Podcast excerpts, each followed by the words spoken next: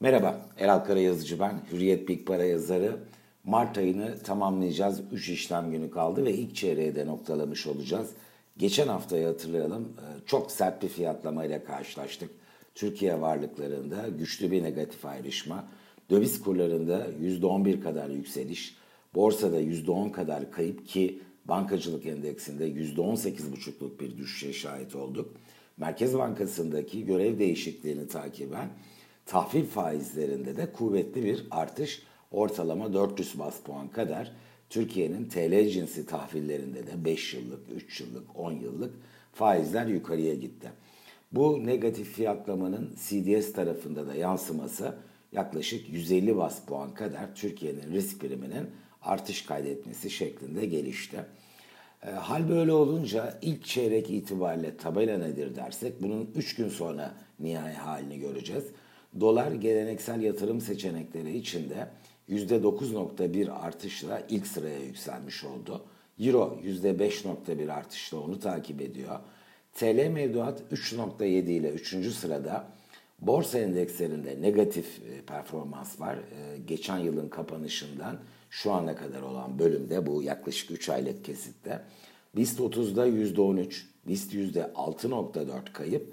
BIST banka endeksinde ise geçen hafta en büyük sarsıntıyı burada gördük. TL bazında kayıp %30'a ulaşmış oldu. Yeni haftada neler var? E, Merkez Bankası'nın yeni başkanı Kavcıoğlu'nun verdiği yazılı bir röportaj ve orada e, ifade ettiği bir takım noktalar var. Şimdi onların üzerinde duracağım. Bunun da Türk lirası adına e, destekleyici etkisini görüyoruz. E, geçen haftayı Amerika işlemlerinde 8.11'e kadar yüksel, yükselişle tamamlayan dolar TL şimdi 8.03'e kadar ben bu kaydı alırken saat 9'u 20 geçiyor gerilemiş oldu. Ne diyor yeni başkan? bir kere diyor ki bizim para politikası duruşumuzda e, belirlenirken, para politikası duruşumuzu belirlerken hem gerçekleşen enflasyona hem beklenen enflasyona bakacağız. Bu bir önceki dönemde paralel aynı yerden bakmayı sürdüreceğiz diyor. E, küresel sermaye akımlarına dikkate alacağız diyor.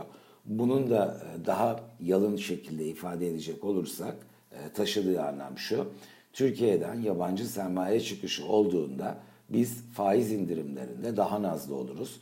Türkiye'ye sermaye akımı güçlendiğinde yabancı sermaye girişi olduğunda daha rahat hareket edebiliriz demek.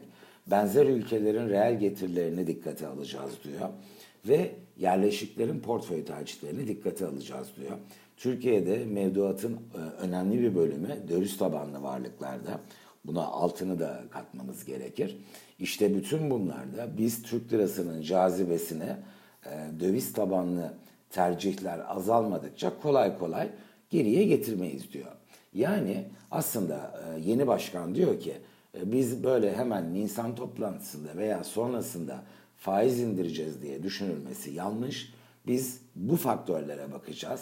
Bunları göz önüne alacağız ve şartlar uygun olmadıkça da öyle faiz indirimleri konusunda aceleci olmayacağız diyor. Şimdi metin olarak elbette e, TL pozitif bir açıklama. Fakat ne olursa olsun piyasanın e, yaşamış olduğu bir e, deneyim var. Türkiye'nin hızlı taktik değişikliklerine yönelik. Bu yüzden de aslında açıklamanın karşılığına göre primin de daha kısıtlı kaldığını TL varlıklarda bu aşamada söyleyebiliriz. Uygulamayla birlikte bu zaman içinde daha destekleyici pekala olabilir. Yurt dışında neler oluyor? Aslında yurt dışında e, bu ilk çeyrek itibariyle çok büyük değişimler olmadı. Bir grup ülkede borsa endeksleri yatay kalıp dinlenip yeni zirvelere e, yelken açarken Almanya, Amerika, Hollanda burada ilk akla gelenler. Bir grup ülkede ise bunlar daha ikinci hareket eden piyasalar olarak görülebilir. İlk benim aklıma gelen işte Brezilya, Kolombiya, Peru, Polonya hatta. Bunlarla da ölçülü geri çekilmeler oldu. Türkiye geçen haftaya kadar o ölçülü geri çekilme kaydeden grupla birlikte hareket ediyordu. TL bazında endeksin değeri değişmiyordu. Ama kur üzerinden dolar bazında ölçülü bir geri çekilme e, resmi vardı karşımızda. Cuma günü e, biz bu e, zayıf performans, daha geride kalan e, performanslara imza atan ülkelerin daha talepli gittiğini gördük. İşte bugün haftanın ilk işlemlerinde Filipinler'de yine bunu teyit eden bir performans ortaya koyuyor. E, neye bakılıyor yurt dışında? Evet vakalara bakılıyor. Şu anda bir üçüncü dalganın içindeyiz. Ama Nisan ayının içinde tepeyi görüp yeniden mevsimsel faktörlerin etkisiyle Covid salgınının geri çekilmeye sahne olacağı ve hızla ilerleyen aşılamayla birlikte zaten yaz aylarından itibaren ekonomik aktivite üzerinde etkisinin azalacağı, sonbahar geldiğinde ise dünyanın önemli bir bölümü ciddi bir e, ağırlıkla aşılanmayı başarmış olacağı için de bir daha ekonomi üzerinde bu tip etkiler göstermeyeceği düşünülüyor. Bu tema dahilinde biz olumlu bir fiyatlamanın aslında kendini sürdürdüğünü görüyoruz. Ee, İngiltere %49'a ulaştı aşılamada. Amerika'da bu oran %42. Avrupa'da %15,5. Ee, Türkiye'de de Avrupa ortalamasının biraz üzerinde 17,5'la ilerliyor. Haftanın ikinci yarısında şüphesiz dış trend üzerinde satın alma yöneticileri endeksleri ve Amerika'nın istihdam veri seti de etkilerini göreceğimiz bir husus. Türkiye'ye dönelim. Türkiye'de denge arayışında üç cephede de hem tahvil hem kur hem hisse senedinde e, neler olacak, nasıl bir fiyatlama olacak, yerlilerin refleksi ne olacak? Artık Türkiye'de fiyatlamalarla ve piyasaların ekonomi üzerinde etkisinde ağırlıkları da arttığı için yerliler e, çok daha belirleyici olabilmeye başladı. Yabancı yatırımcıların tavrı ne olacak? İskontoyu alım fırsatı olarak görenler mi olacak?